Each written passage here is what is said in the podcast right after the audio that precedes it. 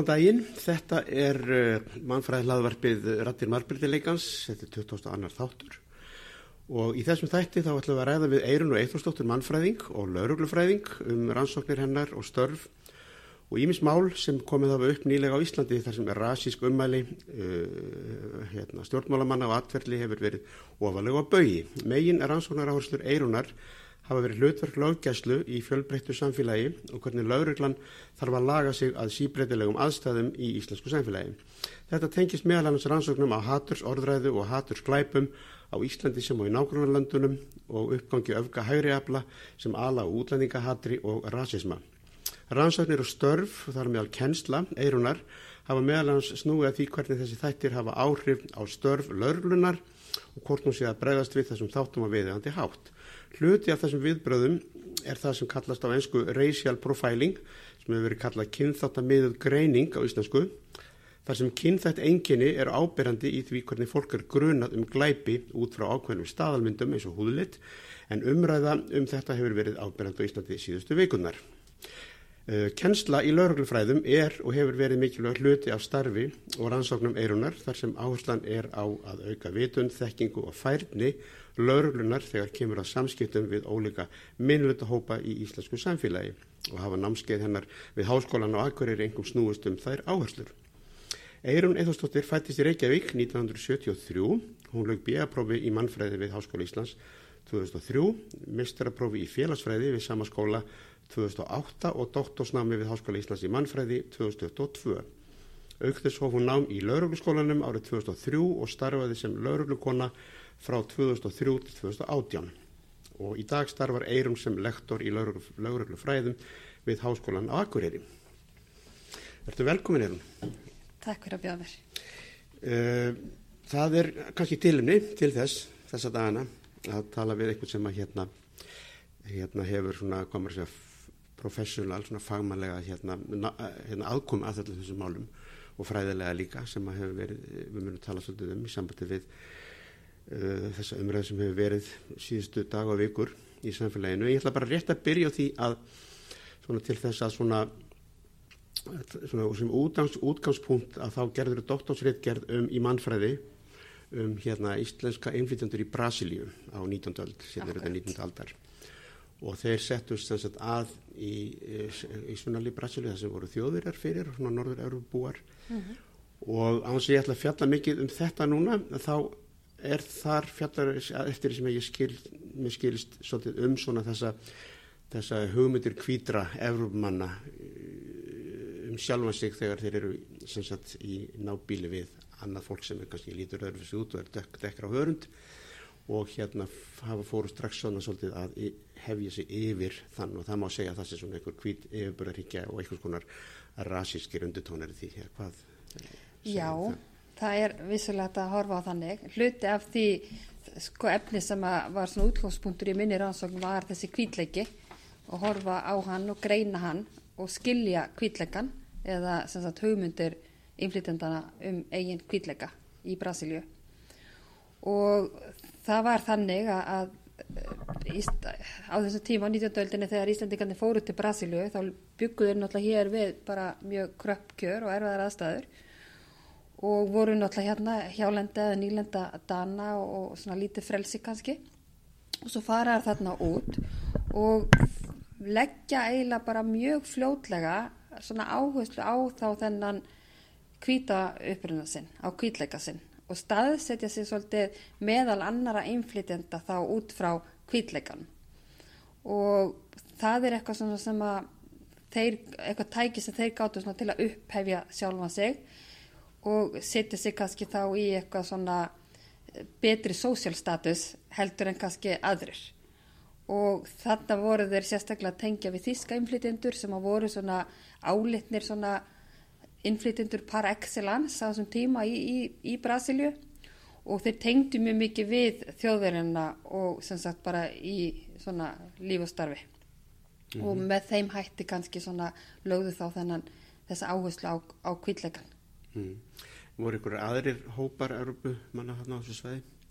Já, það voru bara frá vísvegar um Európu á þessu svæði um, það sem er ábyrjandi við þetta svæði þess að þeir settu staði í Curitiba í Paranafylki að það voru líka mikið af einflýtjendum frá svona, já, austur-Európulöndum eins og kallum í dag. Það voru mikið af pólskum einflýtjendum, mikið einflýtjendum frá Úgrænu til dæmis og, og fleiri löndum og þetta voru hópar sem að Íslandingandi til dæmis sko voru ekki mikið að, að svona, já, mingla við eða maður sletta á, á ennsku og það er nefnilega áhugavert að maður les til dæmis bara um þetta litla sem er til um þess að lítið þessum gömlu heimildu sem til er um Brasílifarana þá er svo mikið talað um þessi tengslu þjóðverjana þeir hafa lært tísku, jábel áður en þeir lærðu portugalsku þeir hafa, þú veist, verið náttúrulega í kirkju með því að þetta voru náttúrulega lúþarstrúar í annars katholikar og svo framvegis en svæðið sem að Íslandingarnir settu stað til að byrja með var í rauninu verið svona lítið hverfi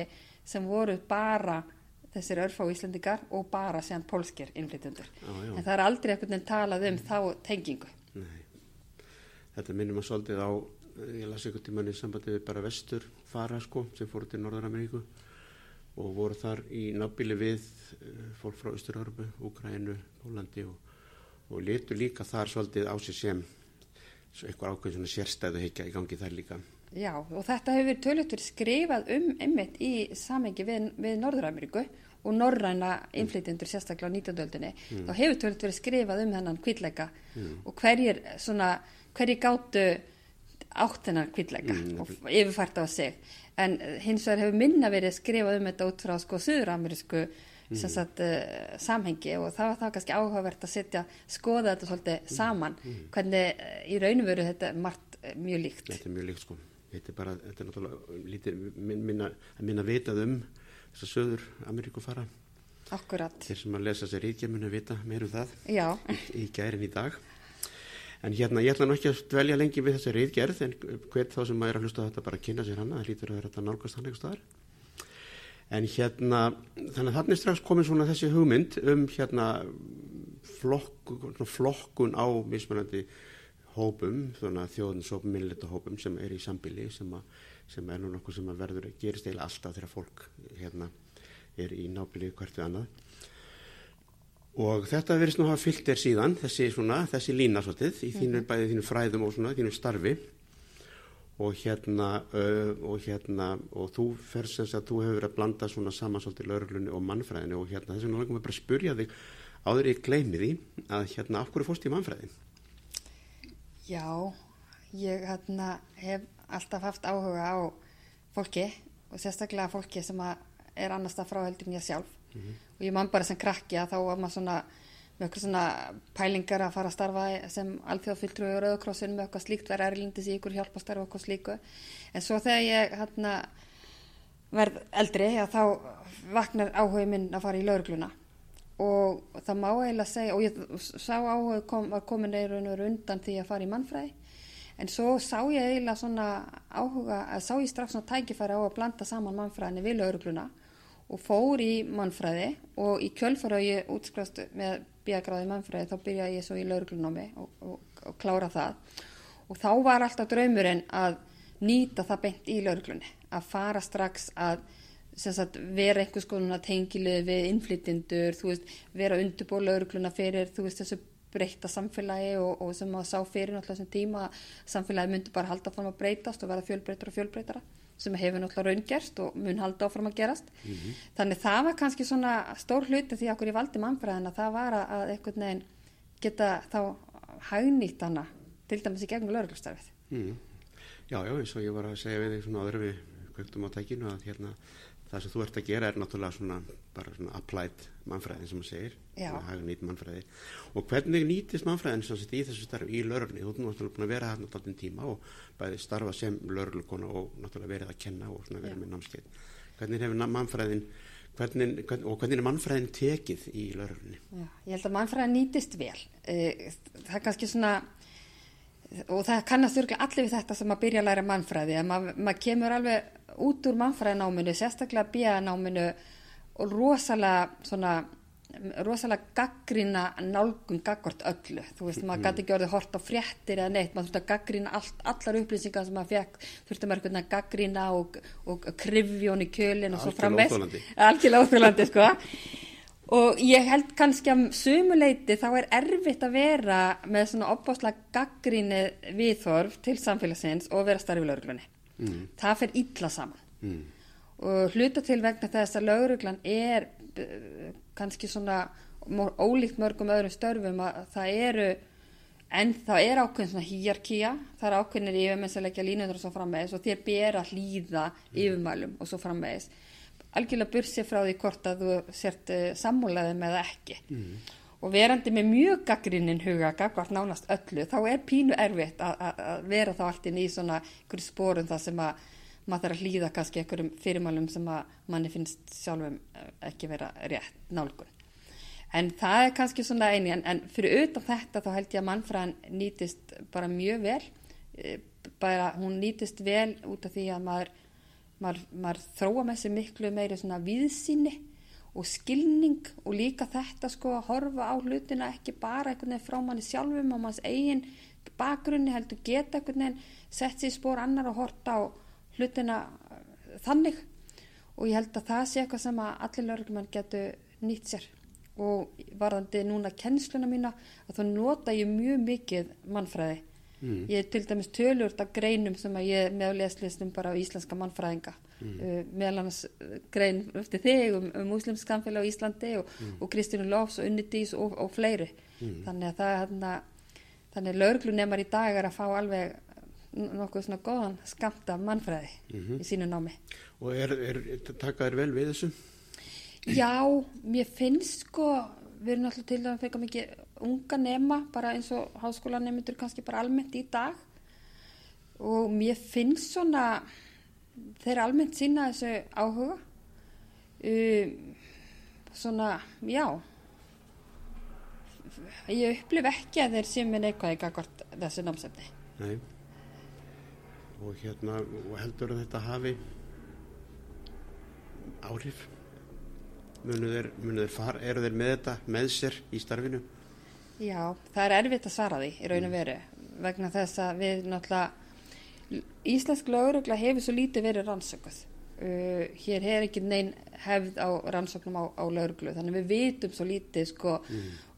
Við höfum marga varskonar hugmyndir og skoðanir en við, sko, það er svo fáa rannsóknir sem, sem að geta undirbyggt á einhverju frekari mm. sko, hana skilning á, á störum lauruglunar þannig að kannski við vitum ekki alveg.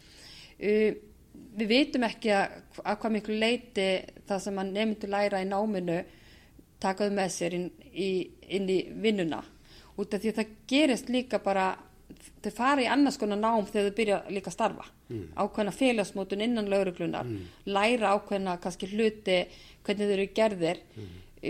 meðan þau eru kannski að læra meira bara á bókina og, og, og kenningar og, og pælingar sko í, í náminu þannig það er erfitt að segja til um hvað hva mikið af þessu skila sér en ég myndi nú ímynda mér að, að það skili sér einhvað mm. að fólk taki þetta með sér mm. áfram maður lítur á svona, maður pælir í svona námi sko, og nú veitum við það svona, ef við tökum COVID alveg út úr njöfnunni sko, að í svona bekkjum og skólu það myndast hópar klíkur að fólk sem að hefur svona svipu vitur það kannski, það hérna það hérna það dregst saman og verða kannski svona nokkur hópar, er þetta eitthvað sem maður getur séð svona þegar fólk kemur út úr þessu námi að það séu ákveðinu hópar með kannski ólíkar, ólík viður til þessara hluta Það er erfitt að segja. Ég held að það myndi freka vera svona kannski kynnslóðabill.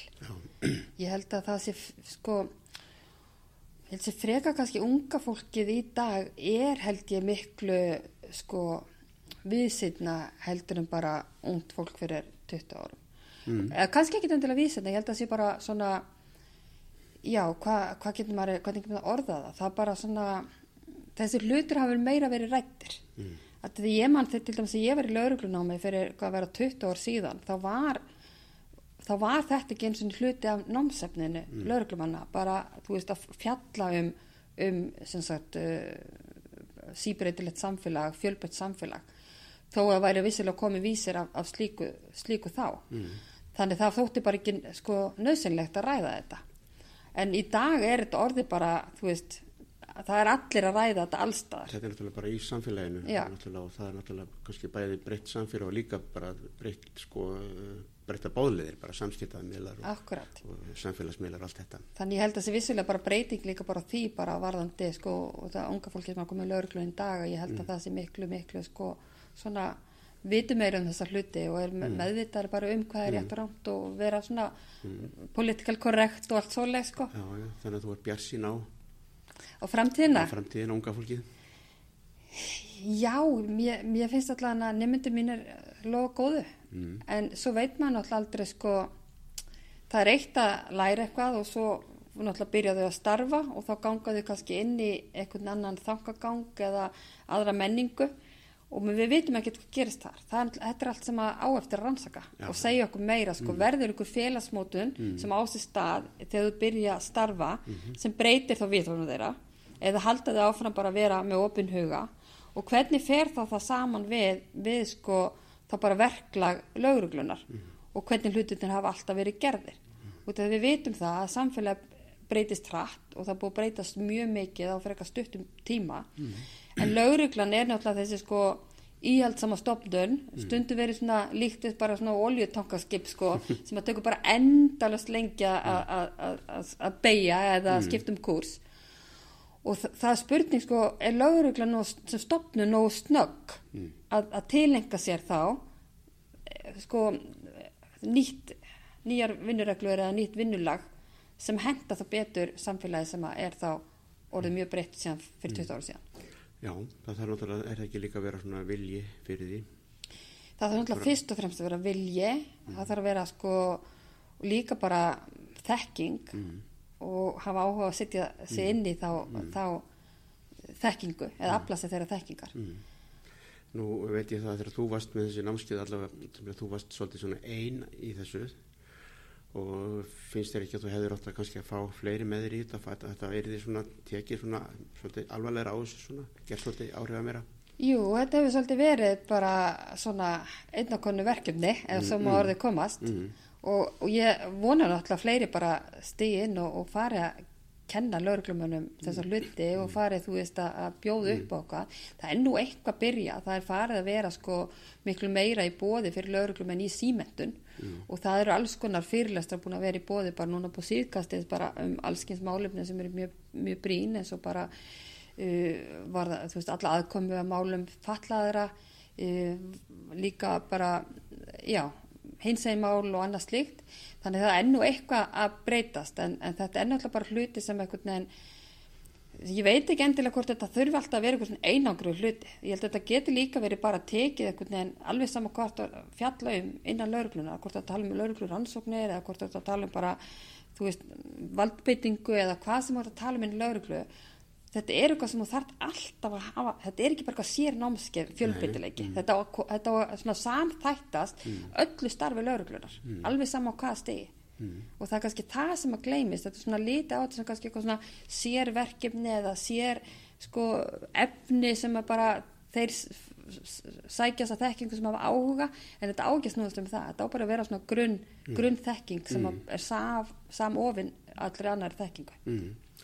Nú hef veit ég það að þú hefur verið í svona samvinnu við hérna uh, uh, kollegaðina á Norðalöndum í sambandi við þessa hluti samskiptur lauruglu við minnulegdópa og, og hatturs orðræðu og það allt saman uh, þegar þú berður þetta saman eru, eru, Ísla, eru, eru við svolítið eða við sagt, er íslenska lauruglu svolítið svona á eftir með þetta allt saman og líka svona í sambandi við það kannski að rannsaka þetta hvernig Já. þetta lítur út Við, við erum alltaf á eftir mm. uh, þegar, þegar ég á sínu tíma starfaði á laurugluna og var að byrja með þarna, þetta verkefnum hattusklæpi að þá höfðu til dæmis bæði svíjar og finnar og norðmenn verið þegar byrjaðir. Og ég miðaði mig oft mikið við einhvern veginn sko norsku laurugluna því ég var í svo opaslega miklu samskiptum við þau, fekk svolítið mikið svona, fóð svolítið undan vend, vendavang þeirra.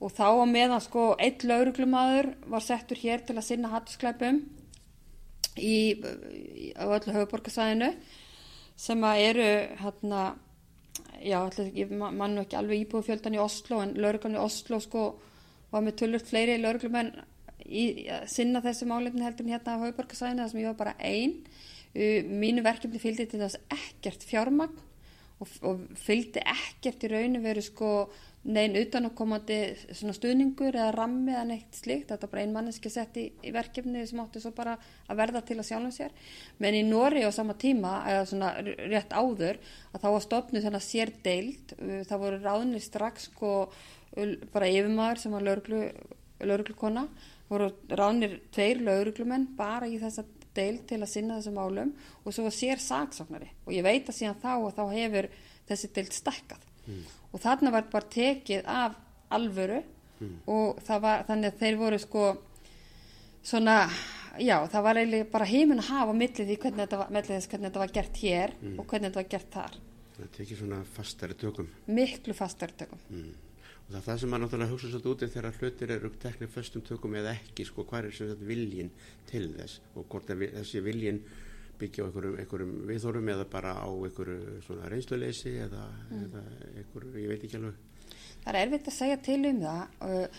Við þurfum alltaf að taka svo satt inn í myndina, þú veist, og ég veit að þetta er eitthvað svona gömul tugga sem er sífælt verið að setja fram af lauruglunni, en við verðum alltaf að taka sko, inn í myndina, þú veist, að, að, að skortar, skortir fleiri lauruglufólk, það skort, skortir fjármagn, þannig það er kannski takmarkað mm takmarkaður möguleikar en þá skiptir líka máli sko, hva, hversu mikilvægt þykja yfirmönnum þessi mál vera mm. er þau tilbúin að taka af þá litlu fjármagni eða fáum þessum litla mannskap og setja einhvern í þetta mál mm. ef ekki þá vantala er það vegna þess að þetta þykir ekki nóg mikilvægt mm. þannig það er alltaf að horfa í það en svo þarf líka bara að horfa í það að, að, að, þetta snýst líka bara um svo miklu svona stærri hlut heldur en að vera kannski bara með eina deilt. Þannig þetta þarf að skoða þetta miklu svona stærra samhengi. Mm. Nú er nefnilega eitt af því sem að þú hefur hérna, bæði þú hefur tjáðið um þetta svona ofinbeglega og svona verið að skoða bæði hér annar staðar sem þessi svona hatus orðræðu mm -hmm. og, og hatus gleipi og þetta er náttúrulega kannski ekki allir sem vita hvað þetta þýðir, hvað þessi, þessi hugtök merkja. En hérna og það eru, það eru lög, íslensku lög þessi fræga hérna, 233a sem að hérna vísar í ákveðin viðurlög við því að, að brjóta þessi lög og, og hérna og, og ég veit svo sem er einslu að það hefur ekki alltaf verið gert. Mm -hmm.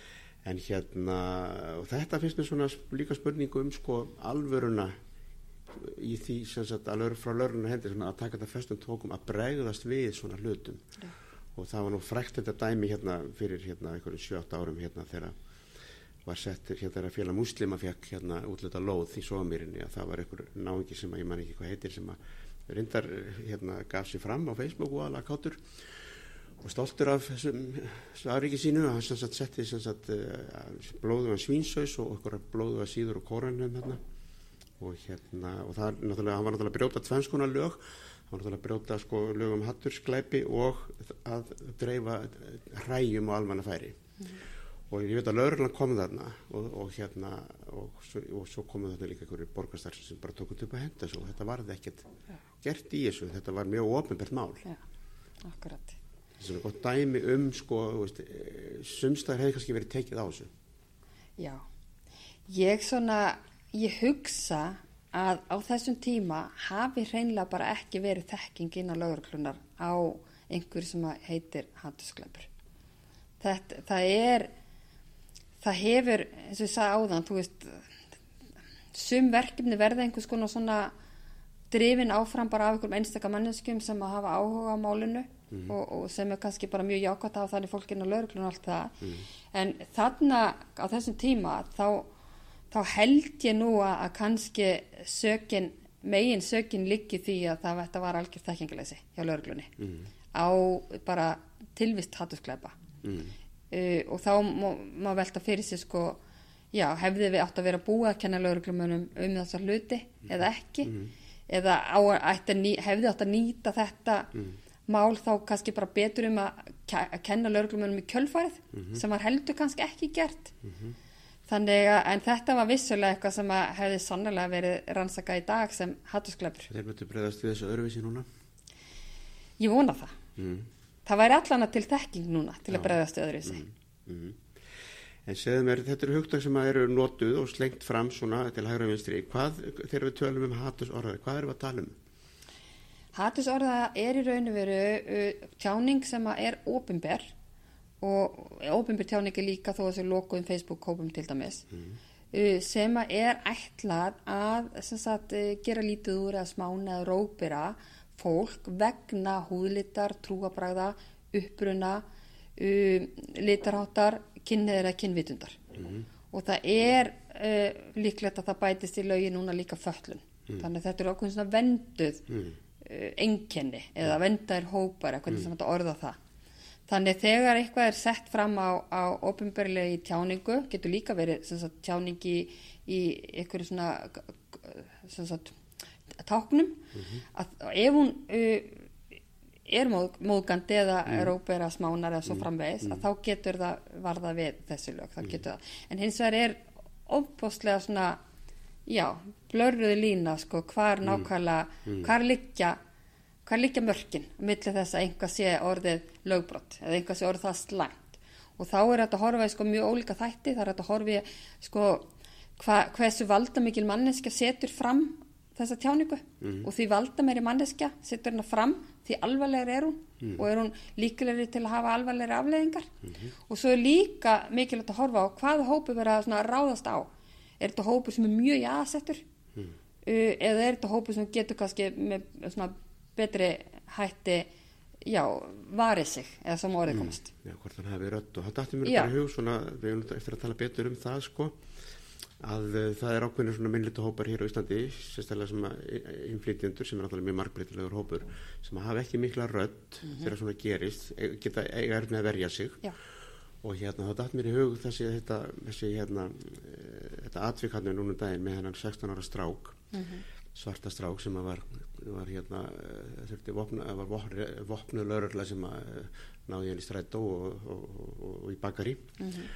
Að uh, undir flestum kringustæðum hefði þessi strákur ekki haft neina rödd en, en hann er kannski svo heppin að mamma sér lögfræðingur, mannreynda lögfræðingur og hún hefur stígið fram Akkurat. og gefið þessu málitóti mikla rödd. Já, og hérna, til dæmis er ekki langt síðan að vera í silfrinu. Og þetta er kona sem er svona, hefur svona hennar rödd hefur hyrst í samfélaginu. Já, en flestir þessir hópar hafa ekki hafa ekki svona málsvara í raun og veru sem er náttúrulega er ekki gott. En hérna svo er náttúrulega sko, já þá er þetta, þetta, þetta með hatus orðræðina þannig að þetta er, þetta er líka þá bara spurning um tungumál, ég menna veist, þetta er að, þú veist, hvenar er hvenar er, er eitthvað tungumál meðandi og hvenar ekki, hvenar er eitthvað mynd meðandi og er það ekki náttúrulega fyrst og fremst þess sem að vera fyrir því að skilgræna það?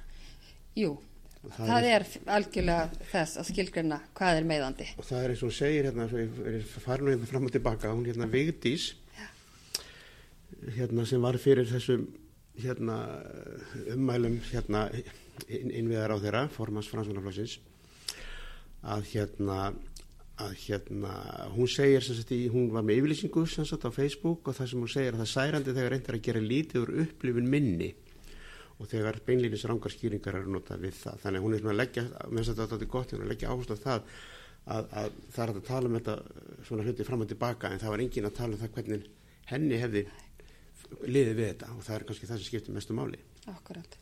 Ég held þetta sé algjör líkil, punkt, líkil punktur mm. út af því og eins og ég komin á áðan það sem vorum að tala um svona hvernig er þetta að hagnýta mannfræðin og slíkt í laurugluna að þá er akkurat kannski þessi hluti sem að mér finnst svo mikil þörf á að, að, svona leggja áherslu á. Það er að horfa á hlutina út frá sjónarhaldni annara, þeir sem að verða fyrir hlutunum.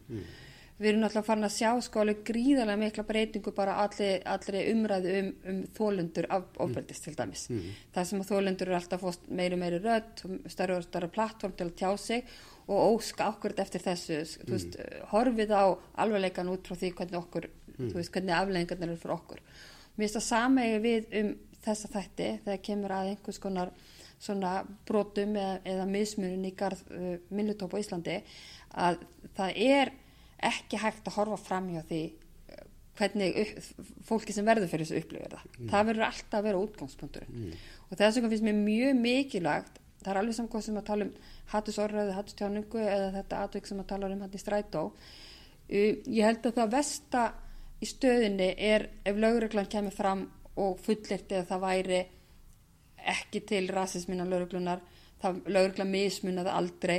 Ef lögregla fullir eitthvað svo leiðis, lögregla fyrir ekki manngreiningu álit og þess, að ég held að þá ert í raunveru svolítið að segja ok, við erum ekki að hlusta á þig, við erum ekki að heyra sem hún segir. Það getur vel verið að lögreglan sé ekkert rassísk og hún mismun ekki, það getur, það getur vel verið að og sé. En ég held samt sem áður að það verður alltaf að, samt að heyra rattir þeirra sem að eru að, að, að kalla Þetta er áhugaverið punktur vegna þess að yfirmaður lauruglunar í Íslandi, dómsmálaráður, sagði þetta nefnilega ekkit fyrir svo lengur síðan að það væri engin, þetta væri svona eins og þú vart að lýsa, það væri engin þess að mína lauruglunar, það væri ekkit að. Og fórum á landsabast lauruglumanna er líka búin að koma fram óbúinbörlega og segja að það sé engin, engin fordómarinn á lauruglunni. Mm. Uh, ég get nú bara sagt að hér og nú að, að, að það er rámt mm. og ástæðan fyrir ég segi það að það sé rámt út af því að við, við erum, allir eru með einhverju fordóma. Mm. Við erum öll með einhverja innbyggða fordóma mm.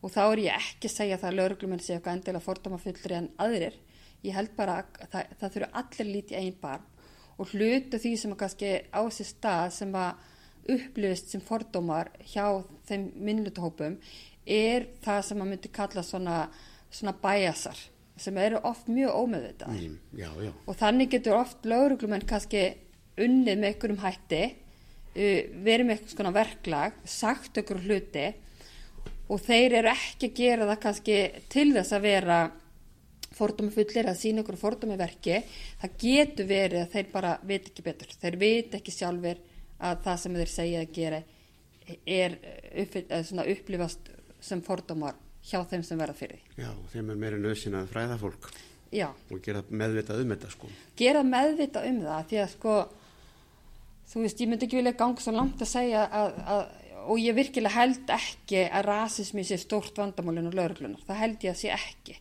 en ég held samt sem áður að lauruglan er náttúrulega stofnið sem að sko má ekki sína mhm. neitt slíkt, þú má ekki mismuna, bara lögum það eru allir rétt jafnháir fyrir lögum mm. og, og þar, þar er að leiðandi verklagi og, og störfum lauruglu þess vegna má lauruglan raun og verið ekki gera en mistök þarna. Nei. Hún þarf að vanda sig miklu betur heldur en kannski aðrastofnanir eða aðrir mm. að, að, að hafa hlutin í lægi. Mm. Já, já, og ég var að minnast þarna á dómsmærar á þeirra sem er sem sagt yfirmaður lauruglunar og hann hefur verið að tjá sig frekar óheppilegt er orð sem hefur verið notað svolítið mikið sem þessi ríkistjónir að gera Hann hefur verið tjáðsins svolítið óheppilega mm. um þetta bæði með þetta sem ég var að benda á þann að það væri ekkit að innan lauruglunum, það er náttúrulega allstar eitthvað að mm. öllum, já, þú veist, hjá manni sjálfum öðrum og í öllum stofnunum sko, en hérna það kom í fréttum hérna eftir að hann tjáði sig sagt, eftir að þetta skjálfilega innráðs hérna í Úkrænum hófst og, og fólk fyrir að streyma, sko miljónir Úkrænum flottar mann að streyma til fyrst og fremst til Pólans og, og til nærlegjandi landa og það er ykkur konur yngað og vona fleirum. Og hann hljómaði nú í fyrst eins og hann hefur yngan áhuga því að sinna þessu neitt.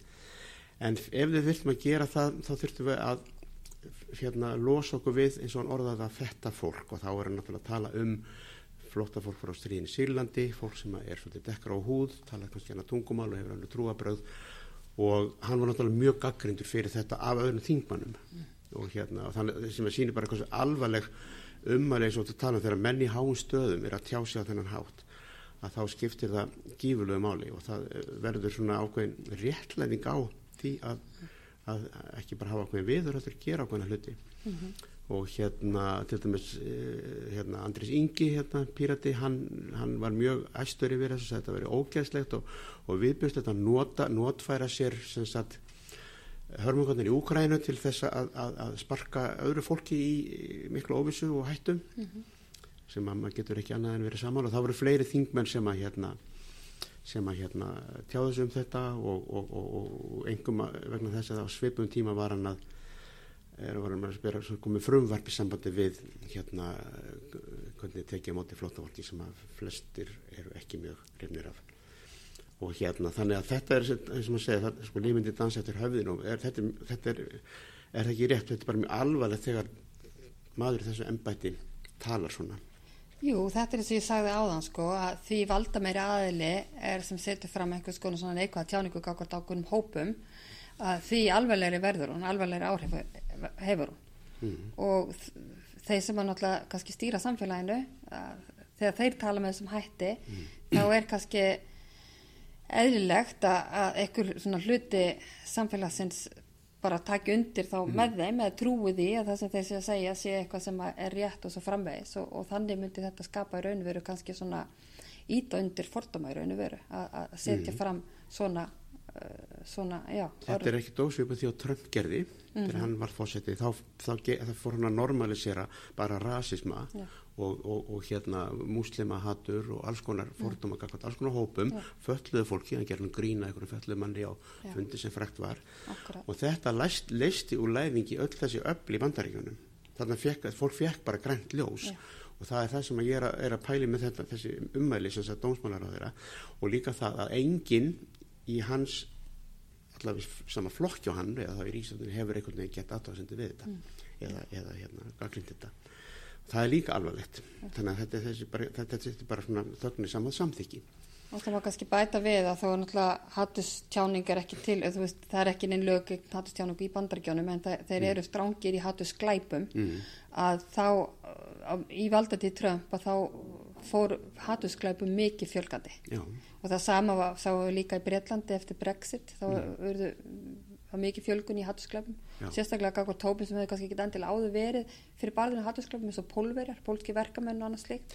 Íslendingum, ég veit um já, dæmi, Ísl, veit um já, dæmi. þannig, að, þannig þetta er vissulega alvarlegt þegar uh, yfirmenn samfélagsins Mm. uh, tala með þessum hætti. Mm, þetta er, myndi við halda alltaf mikið ábyrðaleysi en hérna við erum svona að tala um svona búin, búin að reyfa þetta svona sér út frá svona, al, svona almennu svona, víst, þetta bæði þetta með laurluna og samband laurluna við alla þessar aðstæður og svona þessar hugtök sko. Og við vitum það náttúrulega að, að haturs glæpur er oft bara rökrið framhald af haturs orðræðu og uh, mér fannst, ég veit að þú fóst einu sinni þegar þú varst með námskeið þá fóstu með hóp af lögreglum til hérna Ásvits sem að mér fannst alveg frábær aðgerð vegna þess að þar, þar sín, var sést svarta hvítu hvað hatus orðræða getur leitt af sér. Því að áður en að þetta var allt sem er í gangi að geðingum í Európu þá var búið að vera langvarandi hatus orðræða af stjórnvöldum sagt, og síðan, end, síðan enda þetta með þessu. Þannig að það sýnir bara hversu mikilvægt það er að, að hérna bæði að reyna að hamla móti þessu, fræða fólk og bara, og bara beita bara lagalegum refsi aðgerðum í sambandi því að þetta er ekki, þetta á ekki að líðast myndi ég segja og hvað sem öllum málfrelsist hérna líður sko.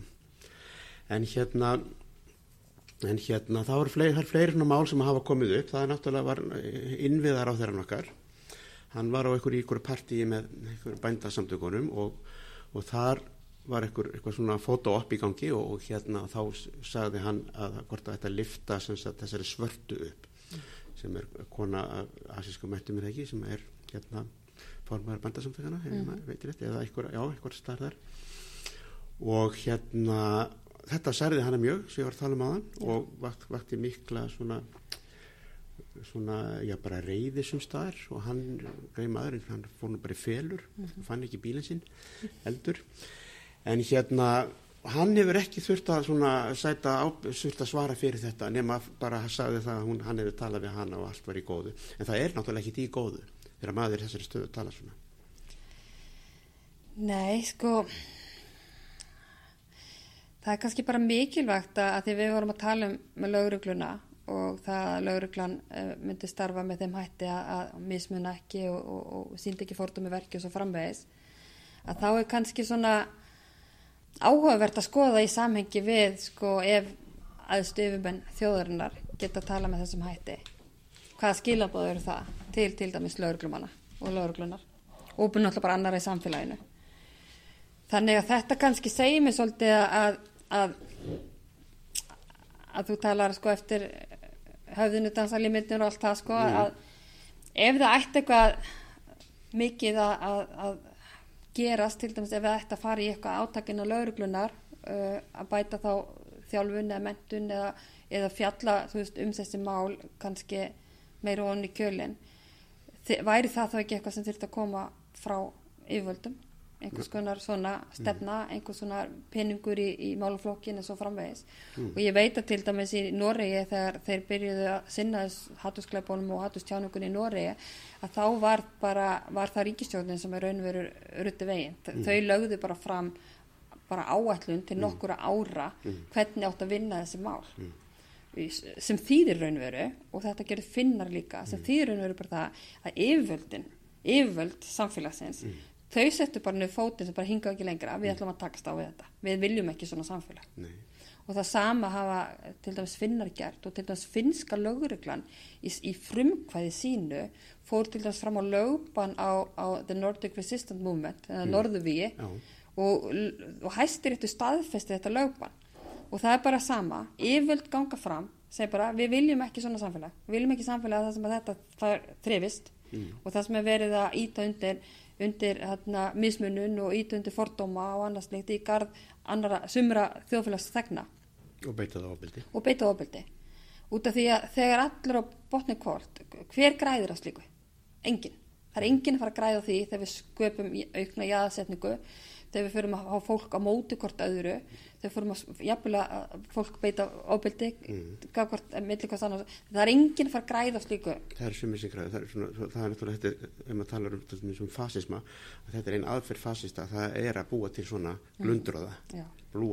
að egna öllum upp og móti hverju öðrum búa til hatur, óryggi og bara svona kás í samfélaginu. Mm. þetta var það sem Trump var að reyna. Já. þannig að þeir græða því. Þeir græða því. Já En, en, en ekki græði samfélagi nei, það er tap fyrir alla nema þessu örfá og já, já. sem eru þarna Já, já en, en svo þú tala um þetta sem þú tala um þetta er náttúrulega eins og mörgulegt til fyrirmyndar en á Íslandi þegar sömu stjórn það er sömu stjórn sem er að tjási svona mm. munum þau gera, fara, grípa til svona aðgerða fara er það eitthvað neina að rekna með því? Ég veit ekki hvað er þetta að rekna með því rekna með. Ég held nefnilega að maður verða að tala svolítið hreint út um þetta og, og ástæðan fyrir því ég er að, er að benda þessi dæmi og þessa, þessa ráð þeirra og, mm. og valda fólk hér á Íslandi þetta er umræðin, þetta er ekkert lindamál mm -hmm. og þetta þarf, það þýðir ekkert að vera að fara í kringum með þessu köttur í kringum ef á að gera eitthvað eins og þarf að tala hreint um þetta Það þarf að gera það Já.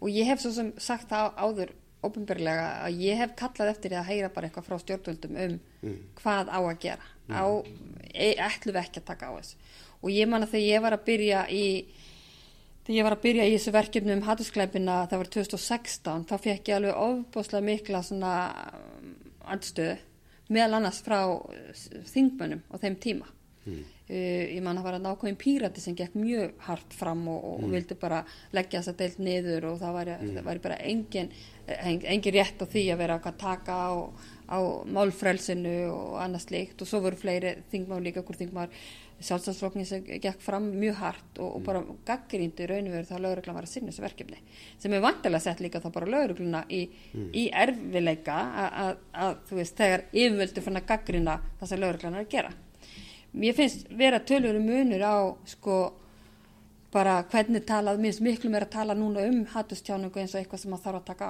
taka, taka vinna gegn, mm. ekki eins og áður 2016 þegar mér fannst bara ekki svo mikil meðbyr í samfélaginu með þessi, þessi verkefnum mm. og mikið raunveru svona draga í raunveru í efa um að þetta ætti rétt á sér og þá var mikið fólk að tala okkur í svona, kannski svona amerískum stíl að, að tjáning eigi bara verið eitthvað svona borgarlega réttindi og það, það megi bara með engan hátt skerða þitt frelsið til tjáningar sem að ég myndi segja að veri bara gríðilega forréttenda með nálgun. Þá er þetta einmitt ekki að hlusta á rattir þeirra sem verða fyrir þessu ofbeldi út af því að þinn réttu til að tjá þig hlýtur alltaf að sagt, hætta eða minga mm. þegar þú ert fann að gera hlut annara. Já, já, þetta er bara eins og annan frelsi, það er allar tegundur af frelsi, hvað sem það nú er, allar tegundur af frelsi hafa okkur mm.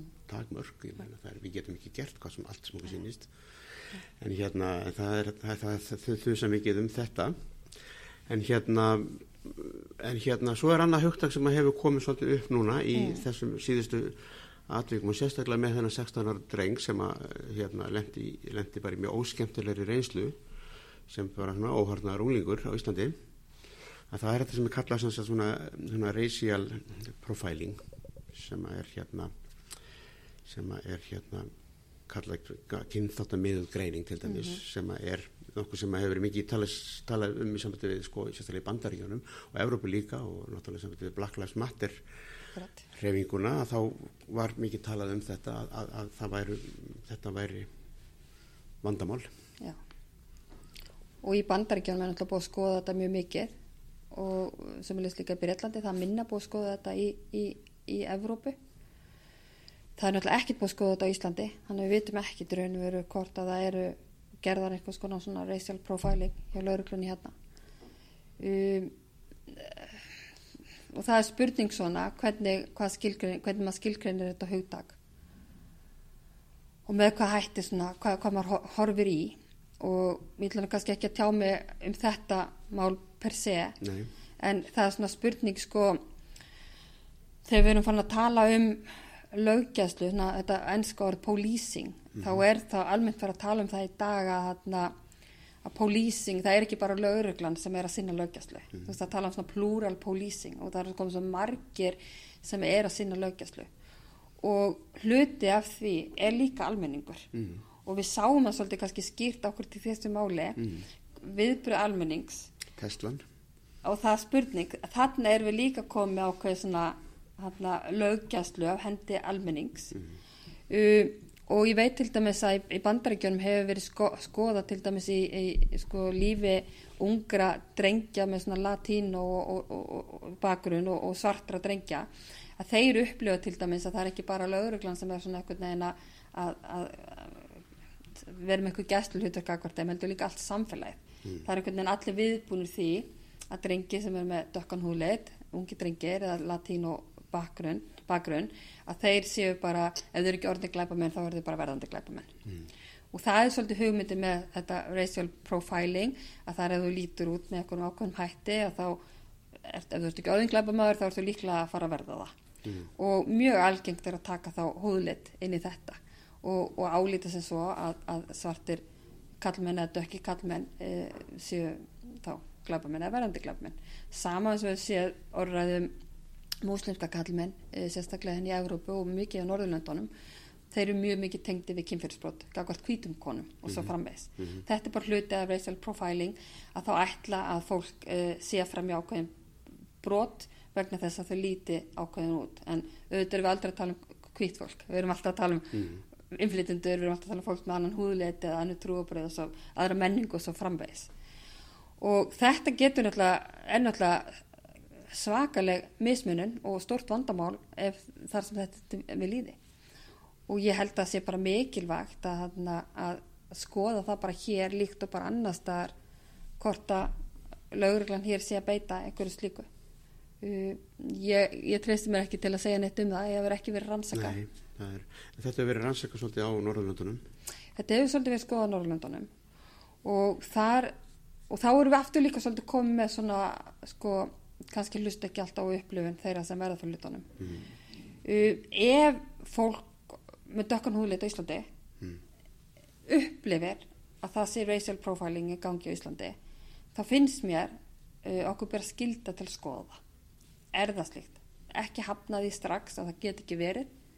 Uh, algjörlega bursið því hvort að þetta sérstaklega má hafa verið slíkt, dæmi slíkt eða ekki bara algjörlega bursið frá því þá finnst mér að við þurfum að hlusta á, rattir þeirra sem að verða fyrir hlutum og við verðum að, að, að bregðast við með að skoða hlutina ofan í kjöln og vera þá opinn fyrir jafnvel að mögulega er lögreglan stundum að gera uh, mistök eða mögulega stundum að mis, mis, mismuna fólki Mm. og þá þarf að bregðast við því Mm. en svona það þarf fyrst og fremst náttúrulega bara að skoða þetta getur maður getur maður að þetta þannig að vegna þess að þetta er hérna kannski ekki, ég veit það ekki, ég þekki það ekki en svona kannski ekki mjög algengt hér á Íslandi, allavega ekki hefur ekki verið það að þetta er kannski bara ákveðið svona þekkingar og reynsluleysi hjá þessum lörglu fólki Já. sem, er í, í svona, er lendið í þessari stöðu Mm. er fer inn í þessa stöðu að gera svona hlut eiginlega á þess að átta sig á því hvað það er að gera þetta sem verður eitthvað svona eða er þetta Já, er, sko, ég vil kannski tengja þetta svolítið við það sem ég kom á inn, á- inn á áðan með það að sko að það segir sér svolítið sjálft þó kannski ekki allir alltaf fatti það en þegar samfélagi breytist svona mikið þá þarf lögreglan líka mögulega að breyta ákveðni þú veist, verklagi, ákveðni nálgun. Og til dæmis með það þegar það á að lýsa eftir uh, ungum dreng sem er með dreadlocks og, og, og, og dökk, dökka húð þá, þá erum við kannski bara komin í þannig veruleika að það væri ekki óvittlaust að setja eitthvað svona bæta við textan að gefa þá í raun og veru sko almenningi sem er líka sinni löggjæslu sem komin á þann mm. þá, þá, þú veist, komið með þau skilabóða þú veist, að, að ekki ringin bara þú sér dökkan strák með dreadlocks mm. Mm. það er, þú þart að hafa eitthvað svona haldbærara í höndunum mm. heldur en það ef þú ætlar ringin og tilkynna um eitthvað mm. og ég held að þetta sé bara hluti af því að fyrir laurugluna að að aðlæða sér samfélaginu þú það, hún getur gert mjög margt lauruglan til að aðlæða sér samfélaginu betur mm. sína ákveðna nærgjarni tópum sem eru kannski í aðsettir og minnur hluta hópa í samfélaginu svo framvegis og þetta er til dæmis bara eitt af því sem væri hægt að gera þarna að vanda alla svona umfjörðing mm. og passa þá, reyna að koma veg fyrir að, að það sé ekki verið að, að tilkynna bara út, af, út frá litarhaft eða, eða, eða hárgræslu Já, sömur hafa bent á það í sambandi við þetta mál með hennar strák að, að hérna það hefði bara aðferðin, það hefði kannski verið þetta að fara einhver óenginisletur hérna lauruglumadur eða kona hefði bara farið inn í strætóðin eða inn í bakaræð og aðtóa hvort þetta væri bara hans hefði gett að sé að væri, vissi hvernig hinn leti út mm. séð það kannski strax að hann var bæði yngri og var ekki, mm. leti ekki eins út Já. og bara geta sagt okkur, okay, þetta er ekki hann. Áðans að nokkur við áðans bera ég að hann vissi af því. Þetta er að setja ykkur að vopnaða menna á hann. Já, sko nú þekk ég ekki þetta mál algjörlón í kjölinn, ég veit ekki nákvæmlega hvað átt þessi stað sko, þannig ég kannski alltaf ekki tjá mig alveg um það. En auðvitað sko máli örglan alltaf vanda sig og, og svo hefur örglan bentað á hinbóin er verið að leita manni sem er hættulegur samfélaginu mm. Uh, og fólki fólk sem gæti skadað fólk já, þú veist já, það er mikilvægt að koma manninu mm -hmm. úr umferð og koma hann aftur í fangils og svo framveg sko og þá, þá, þá svona spurning hvað vegur þingra mm. alman öðru geð eða það að, að, að það sem mögulega miskjart við einhver einstaklinga uh, ég held að það sé bara hluti af því sem að þarf bara að vanda betur og vonandi verður þetta atveg til þess að kannski bara skoðar lauruglan það betur, er þetta að gera betur var þetta þessa hluti, mm. hvernig gerum við það betur, mm. en þetta tengist líka kannski bara því að, að það, það, það erlindar rannsóknir sín okkur það að fólk með minnlutabaklu, sérstaklega þessi inflytindur, uh, treystir lauruglunni síður heldur en aðrir mm.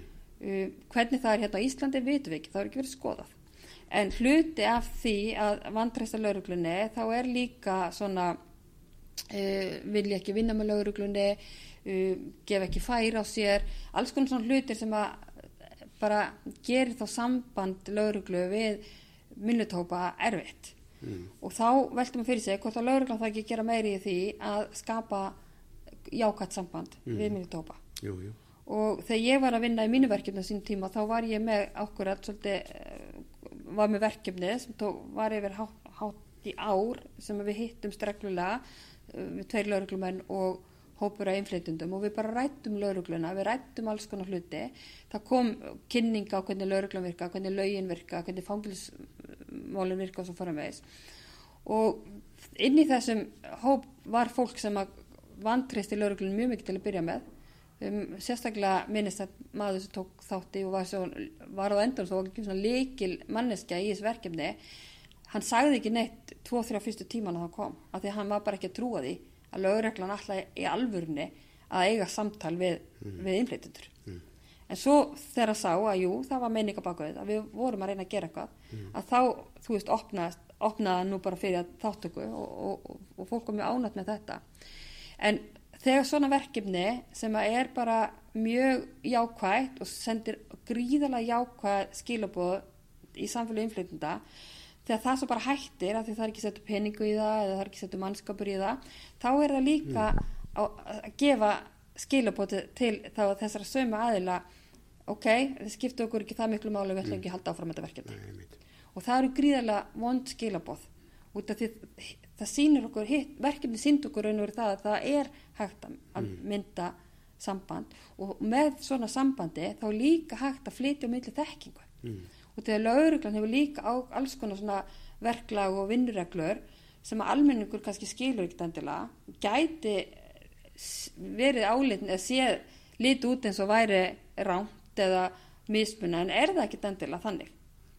Og þá er svo gott að þegar fólk getur skipst á, á mm. þekkingu bæðið almenningu viti meir um lauruglun og hvernig lauruglan vinnur og líka bara að það lauruglan virkilega tengi sig minnlutuhópum og myndi sterk tengst og sé líka miðla hvernig mm. hlutin eru gerðir mm. út af því að þegar það er gert kannski svona að hálfum hug eins og ég vil kannski lefa mér að nota yfir þetta verkefni sem var svo, var svo hægt og var ekki sett áfram fólk eða, eða peningur í að þá er líka sko sem er annað sem er mikið talað um til þess í fræðunum er svona window dressing. Þegar lögreglan er bara að gera eitthvað til að geta svona eitthvað tikkað í bóksi, já við erum að gera þetta. Mm. já, sinna hattisklöfum, já, tjekk sinna veist, þessu, já, tjekk síndumenska, mm. en svo er ekki draunur þar bakvið já. og ég held að það að vera með eitthvað svoleiðs verkefni sem eru bara gerða hálfum hug, það er verðin að gera ekki neitt. Mm. út af því, og, og, og, og því það er ekki það, það er held ég ekki erfitt uh, að tengja sig minnlutahópum ef það er bara vilji mm. vilji til þess. Já, já, já, já, algjörlega. Þannig að þetta er bara verkefni sem þarf að vera viðvarandi. Algjörlega. Og hérna en áður við klárum hérna hérna hérna það sem er verið að diskutera þessa dagana, það var annað mjög áhugavert eða áhugavert mál sem að, sem að varðar hann að Lenu Lenu Rún sem að er mm -hmm.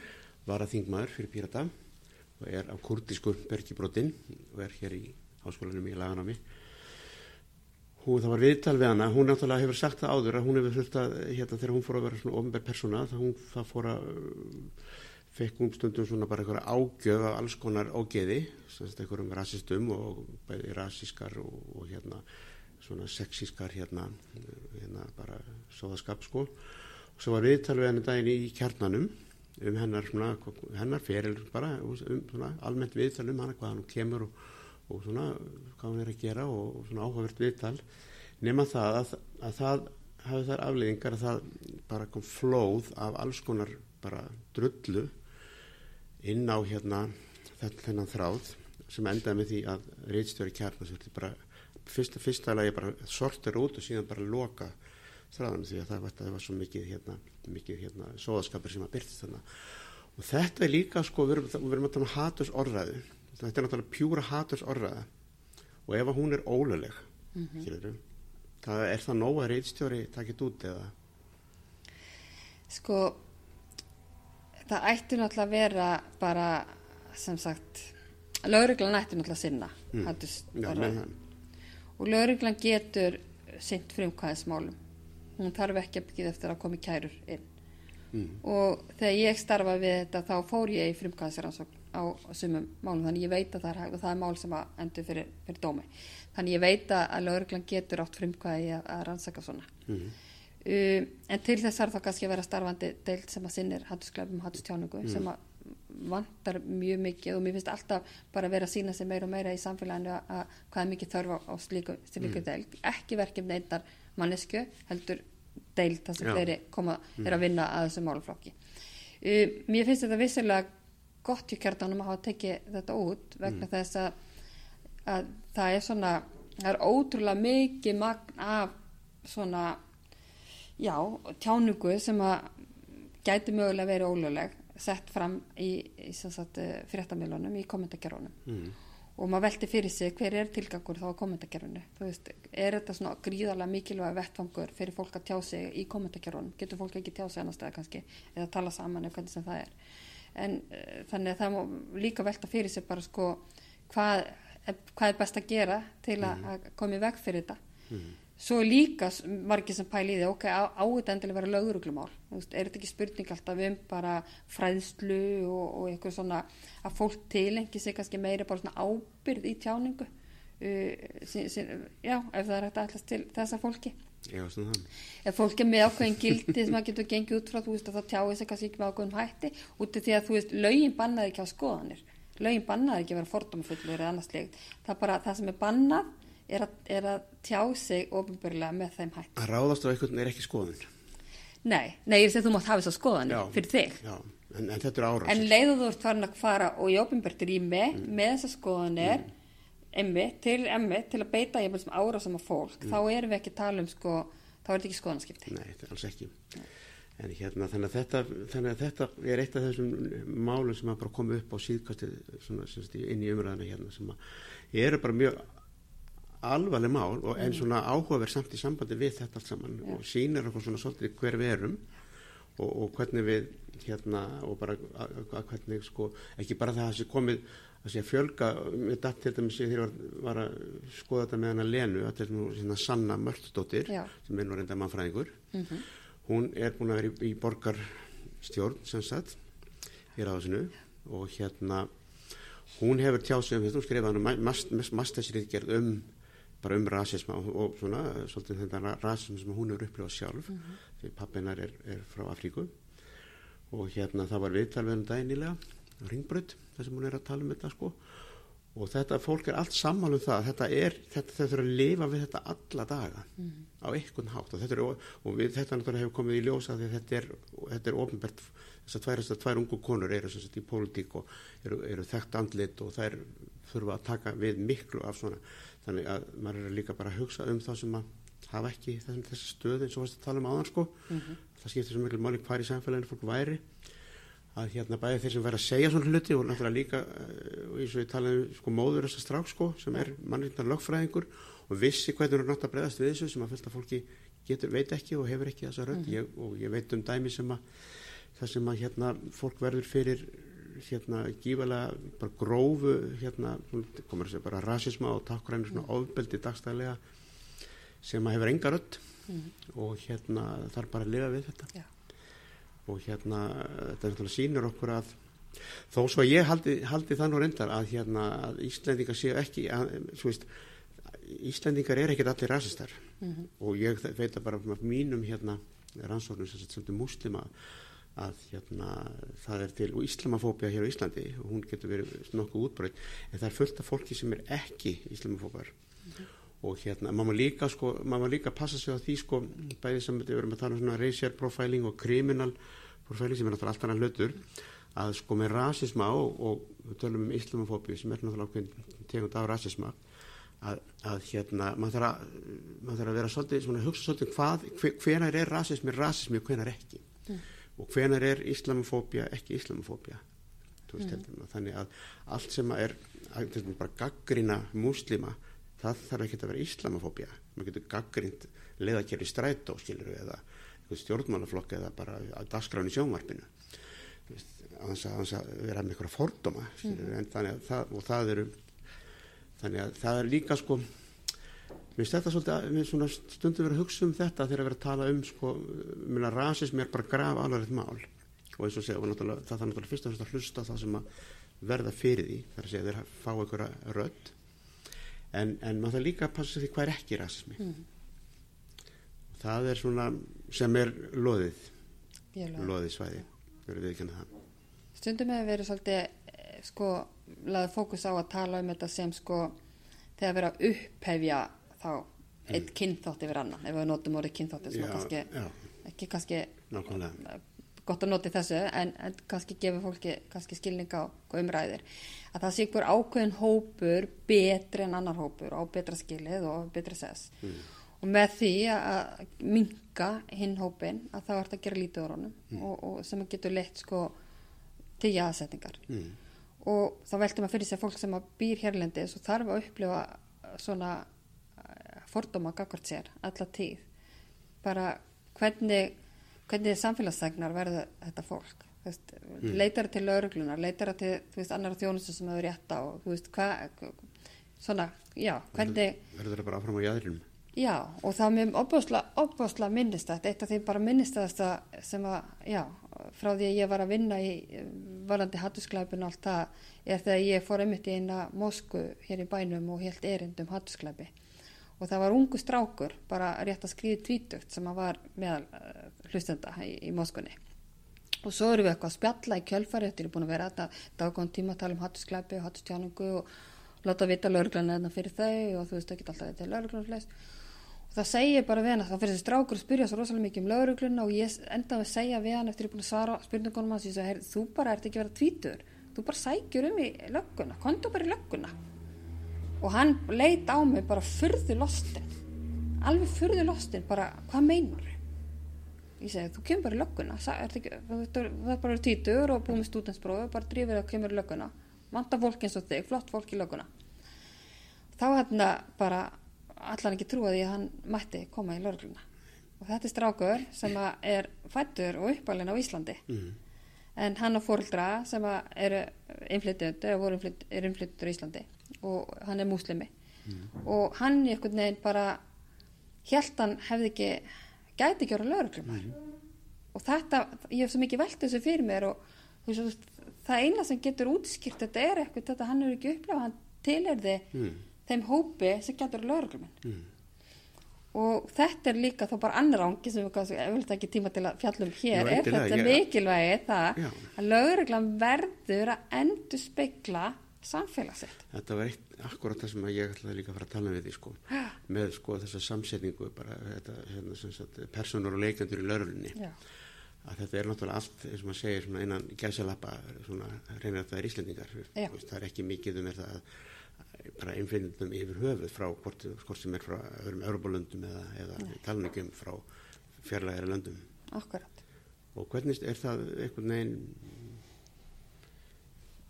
er, hefur það kannski bara lí- líka verið svona hluti af því einhverju svona reynsluleysi ef við getum notað það orð sko að það hafa ekki dottið einhvern veginn huga að reyna kannski að fá eins og þú varst að reyna að gera skilur Já, ég held sko, ég held að sko það sé meðvitund um þetta innan lögreglunar og nú er ég náttúrulega starfandi við, við lögreglunámið og ég veit að þú veist við höfum mjög mikið rætt þetta bara í kringu lögreglunámið bara hvernig fáum við fólk með fjölbreyttar í bakgrunn inn í lögregluna. Og það, og það eru marga leiði sem er hægt að fara og þetta, þetta hefur verið vandamál víða og löndin í kringum okkur að farið allskins leiðir til að fá fólk með fjölbreyttar í bakgrunn í lögregluna og það hefur gengið vel en þá hefur til dæmis hafa nýlega norska rannsóknir sínt fram á það að norðmenn fóru til dæmis í mikið átak að fá fólk. Sérstaklega voru að hugsa um að það er svo ofbúslega stórt hlutall uh, innflytjenda í Oslo er, uh, með pakistanskan upp, uppruna. Og það var sérstaklega verið að horfa í, í þann hóp að fá inn í laurugluna og það var gerðið eitthvað átak og þá kom veist, fjölgaði töluvert þarna fólki með erlendan bakgrunn sem kom í laurugluna í Noregi en svo hafa núna eftir nokkur árið liði en þá eru rannsóknar að sína okkur það að, að þetta fólk flosnar svo Já. fljótlega úr starfi. Sem þýðir það að þau koma fara í gegnum námið og allt það og byrja starfa en finna sér svo ekki. Nei. þannig þá er líka þetta er svo miklu margþættar heldur en bara það herri drífum okkur auglýs eftir fólki með erlenda bakgrunn lögrugluna veist, það þarf kannski að sko það þarf náttúrulega að taka vel á móti þá fólki sem er með ólíkan bakgrunn en kannski megin þá eru lögreglumanna. Það þarf að gera eitthvað meira. Og þetta er svo sem líka kannski stundum hugsa maður þetta er svolítið svona stefið sem maður sé í sko fjölgun kvenna innan lögreglunar mm. þú veist það er ekki langt síðan við vorum bara ótrúlega fáar konur í lögreglunni. Eh, núna erum helmingu nema í lögregluna með konur.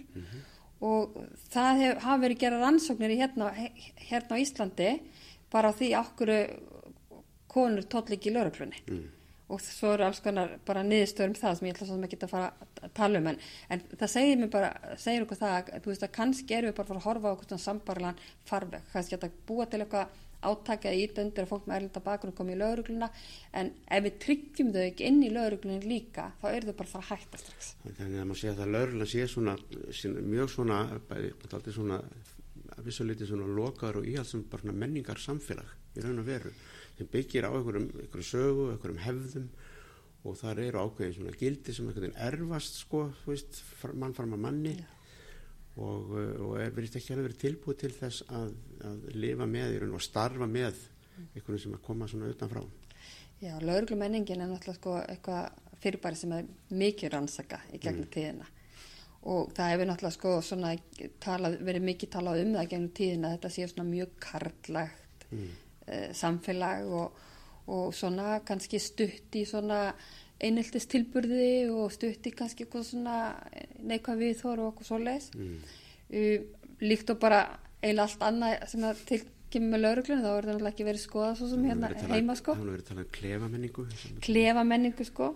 En auðvitað hefur þetta breyst náttúrulega hefur fjölgað mikið konum í lauruglunni það hefur eitthvað breytingar fyrir með sér og, og svo frammeðis, námið koma háskólastig það hefur breytingar fyrir með sér og svo frammeðis þannig að þetta er líka síbreytinlegt eh, samfélag.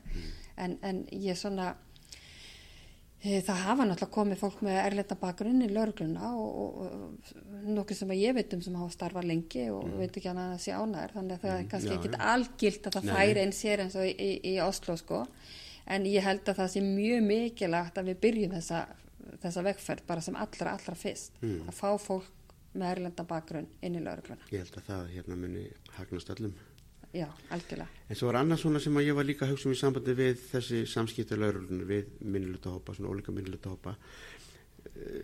Hefur þú tekið eftir einhverju mun á, á þessum samskiptum eftir því hvaðan þessir innflytjandahópar eða minnilutahópar koma eða hverjir þeir eru og ég- nú ætla ég að bæta við því að ég heyrði það einhvers tí- einhver tíman einhver staðar ekki fyrir löngu síðan að, að þeir tveir hópar á Íslandi sem að minnilutahópar sem verður fyrir mestu, mestri hatusorraðu það eru múslimar og samkynniðir þannig að samkynniðir er náttúrulega fu- fullkomlega sem sagt, minnilutahópur sem áhendur högg að sækja. Líka sko, við máum ekki glemma því. Já, ég, ég, ég bara hef ekki mikið svona velti fyrir mig hvort einhver ákveðnir hópar fá minni þjónustu eða eru hægt að vera hvað þá fyrir eitthvað mismunna eða eitthvað eða það sem neikværi viðhort til þeirra innan lauruglunar. Ég bara, já, kannski bara svolítið erfitt til að segja til um það. ég var til dæmis hérna Lási Lögga er kallaður ringdi í hann og það er einhver, einhver læti á einhverjum bar og hann lappar inn á barinn og það er einhverju þrý strákar að slást. Eitt er hérna er svona hvítur íslendingur. Mm. einn er pól, annar er pólveri og hinn er frá Marokko og jafnvel eitt frá hérna Gambíu. Hva, hvað sér löggan þegar hann gengur inn? Já, og hvað gerir hann sko, það er náttúrulega fárunni spurning það fyrir náttúrulega eftir hver, hver hann er Já, það fer hún. kannski eftir hvað lauruglumæður myndi koma. Ég myndi kannski bregðast öðru sem við, mm. sem lauruglumæður heldur kannski kollegi minn. En, en þannig ég held náttúrulega fyrst og fremst þá, hérna, þá myndi lauruglan náttúrulega bara stilla til friðar mm. og allt það. Bara þetta væri bara þetta, þessi grunn hugmynd lauruglumæður sem kemur inn í, í, í verkefni það sem fólk er í áflóðum hvort að hann myndi sjá mun uh, eflust myndi hann sjá mun af fólkinu hvort að það myndi endur speglast í verklæðin hans. Það get ég náttúrulega ekkit sagt um. Ég myndi svona halda kannski eða vona að það myndi ekki endur speglast í verklæðinu Mm. en auðvitað bara er kannski ómögulegt að segja til um það. Nei. Ma, maður vill ekki sko ætla lauruglunni að vera mismuna fólki eftir húleit eða uppruna svo framvegis. Um, lauruglan er náttúrulega bara fólk Mm. bara almenningur líka, bara eins og ég og þú og aðrir í samfélaginu. Og það fólk hefur alls konar viðþorf og, og, og sum neikvað og sum jákað og sumir eru líka með alls konar svona hlutdrægni, einhverja bæjasa sem að gera sig jafnvel ekki grein fyrir. Það getur vissulega leitt út í verklæðið og, og sem getur þá vissulega verið mismunum en við vitum ekki um það hvort, hvort það gerist í hvaða þá samengi það gerist eða þú veist hvernig það gerist. Mm. en það er náttúrulega bara hluta því sem er bara brínt að fara að skoða innan lauruglunar hvort slíkt er. En það vil ég líka kannski ítrekka sem ég er búin að segja mjög oft hérna í þessu viðtali að það er gríðarlega mikilvægt að hlusta rattir minnlutópa Mm. ef fólk sem er er, til er minnlutóp sem er svona með sínilegan kannski annan etniskan bakgrunn heldur en Íslendingar annar litarhátt eða trúabröð ef þau upplifa það sjálf að það sé verið að mismuna að þau fá öðruvísi þjónustu frá lauruglun heldur en aðrir og svo framvegis þá er gríðarlega mikilvægt að það sé hort í það og það sé skoðað Mm. ofan í kjölinn. Í staðin fyrir að ganga strax út frá því með þá að slá, slengja fram ópenbarlega að það sé ekki til rasismi eða lauruglan mismun ekki. Mm. Já, algjörlega. Og þá er náttúrulega, eins og ég búin að vera líka, svo hamar svolítið á, þá náttúrulega líkur ábyrringa sig hjá eh, þeim sem eru efstir í þessum, þessari tröppum, þeir tjá, sé ekki að tjá sig eins og, eins og hérna hefur við gert, en hérna svona í lokin, þá hérna, við erum, við erum búin að sjá það að þetta er náttúrulega mjög flókið, flókið, flóknir þættir hérna, flókið, samfélagi er mjög flókið og er að vera flóknar og flóknar og flóknar og, og eins og segir, lauruglan sem stofnir náttúrulega bara hluti af samfélaginu og, og hérna og allt það og er náttúrulega, það gleymist kannski líka stundum og það eru lauruglan er náttúrulega eina af þessum stjættum sem er í mjög, mjög miklum samskiptum við samfélagið og það er náttúrulega margt sem að lauruglan þarf líka eiga við sem að kemur þessu kannski ekkit við sem að er mikilvægt og erfitt hluti sem tengjast ofbeldi og, og, og slísum og bara einhverjum svona hluti sem þeir eru ofta að glíma við og bara eldast við hættulegt fólk og svona en hérna, inn í sambandi við þessa kennsluðina, þú ert búin að vera svolítið tíma í þessu og þessi nýja kynnslóð vantalega vantalega laurugl fólks sem sagt uh, þú ert bjart sín á að þetta fólk muni fara inn í starfi með svona svolítið víðari, víðari svona kiki Já, ég held að sko, ég held að, þú veist, það eru alveg sama hvað lauruglumann þú hittir, hvort hann er nýjútskrifaður eða hvort hann er námið eða hvort hann er búin að starfa lengi. Veist, ég held að bara eins og bara aðrir þá vilja, vil fólk vanda sig og vera gott í því sem að það starfa við. Það vil vera, lauruglumenn vilja vera góði lauruglumenn, þeir vilja vera faglegir og ég held að sko, og ég held að flestir alveg, þú veist, hafi það svolítið hugfast, fólk er að menta sig, það er að sækja þjálfun, það, það er að gera ímislegt til að vera betur í því sem að það hana, tekur sér fyrir hendur. Og ég get alveg svona sagt að þú veist ef lögreglan fer á okkur vettfang eins og slisa vettfang eða eitthvað sem það sem er þessi, þessi ríki þjónustu sko, stuður að þá, þá mun lögreglan jafn mikið leggja sér fram að bjarga lífi einhvers með dökkan húlit eða ljósan húlit ég held að ég geti þú veist, þó að sé aldrei að fullir ég geti nánast fullir það, að það myndi ekki en þegar við erum kannski komið að eitthvað svona sagamálarannsóknum mm. og eins og kannski þessi mál sem hafi komið upp tengist því kannski svolítið að þá er kannski laurugluminni með öðruvísi svona þangagang og þá farar kannski að taka inn hluti sko til skoðunar sem að til að reyna að leggja sem best mm. mat á aðstæður og eitthvað svoleiðis og þá kann kannski mögulega að flækjast fyrir einhvers konar uh, svona hugmyndi, neikvæð hugmyndi sem þeir jafnvel sjálfur hafa kannski gera sér ekki grein fyrir. Ég held að það hef ekki bara sko, ég held að geti líka bara verið stjættamunur mm. það er spurning sko hvort að fólk sem á pening eða fólk sem að vel að máli farið sem þekki laugin rosalega mm. vel og getur veist, tala skýrt og svona veist, færða betri þjónusti og lauruglu heldur en kannski þau sem að mm. koma illa frá sér hlutunum eða eitthvað þannig sko mm. veist, þannig ég held að þetta getur verið sko ótrúlega margi þættir sem að hafa áhrif sko en já, allt er þetta hlutir sem að þarf að skoða og já ég bara held að ég held að, að þeir sem er að veljast þarf alltaf að vera öflur og öflur að svona meðferðin sko á bara umsögnarferlinu hverju valdirinn í námi það er alltaf að vera að vanda betur og betur mm -hmm. til verka mm -hmm. allt orðið faglegri kringum það heldur en áður og ég mér finnst allan að svona undirfann ár nefndunum okkar vera bara ótrúlega hópur og ótrúlega flottum einstaklingum ég myndi hins að gerna vilja sjá svolítið eldra fólki mm. að því ég held að það hana, sé ekki endilega gott að eiginlega nánast allir nefndunir eru bara rétt rúmlega títuðir ég myndi vilja sjá rúmlega 30 ára rúmlega 40 ára, já, rúmlega 50 ára. Já, ég myndi þetta sé ekki bara einhverju krakkar. Já, þetta sé, þú veist, það er líka gott fyrir mm. fólk með lífsreynslu að koma inn og starfa á laurugluna í þannig að það er bara gott að blanda þessu vel. Já, og ég held líka fólk sem er í samskiptu með laurugluna og samfélagi takkir kannski meira mark kannski á 40, 50 manneski en 20 Já, líklega getur það líka haft áhrif sko.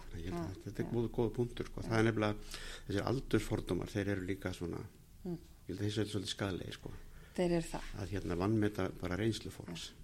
Og líka sko það er líka þetta náttúrulega bara breyst eins og allir vita, þú veist, nú velur fólk sér ekki einhvern veginn æfistarfi þegar maður er 20 þú veist, maður skiptir um starfsvæstum þegar maður er 35 og svo aftur kannski maður er 45 eitthvað, þannig mm. fyrir að læra eitthvað nýtt og svo frammeðis, mm. þannig að það líka kannski ekki einhvern veginn hægt að hugsa þannig að maður ráði lauruglumenn, menti lauruglumenn núna og þau ætla bara að starfa mm. til, til, þú veist, já, já. þá getur þau gömul, sko, -hmm. þú veist, þau fara öruglega hægt eitthvað tíma og koma jafnvel aftur og -hmm. svo frammeðis, -hmm. en ég held að þetta skiptir bara allt máli og líka bara fyrir þessa hluti að fá sem, að þú veist, að lauruglumenni sjálfur séu sem fjölbyrtastuð hópur og endur spekli sem best samfélagsett, að þú veist, ég held að það skili bestum þjónustustuðlun mm. Herra Eirun, þetta var alveg gífulega áhugavert fannst mér og hérna ég ætla bara að þakka þér kærlega fyrir þetta ja. Þetta hérna samtal um um hérna, í raun og veru hluti sem mætti var hægt að tala miklu lengur um og flækja ennþá meira, því þeir eru, fló, þeir eru flóknir. En hérna, já, bara takk fyrir. Takk fyrir bóðið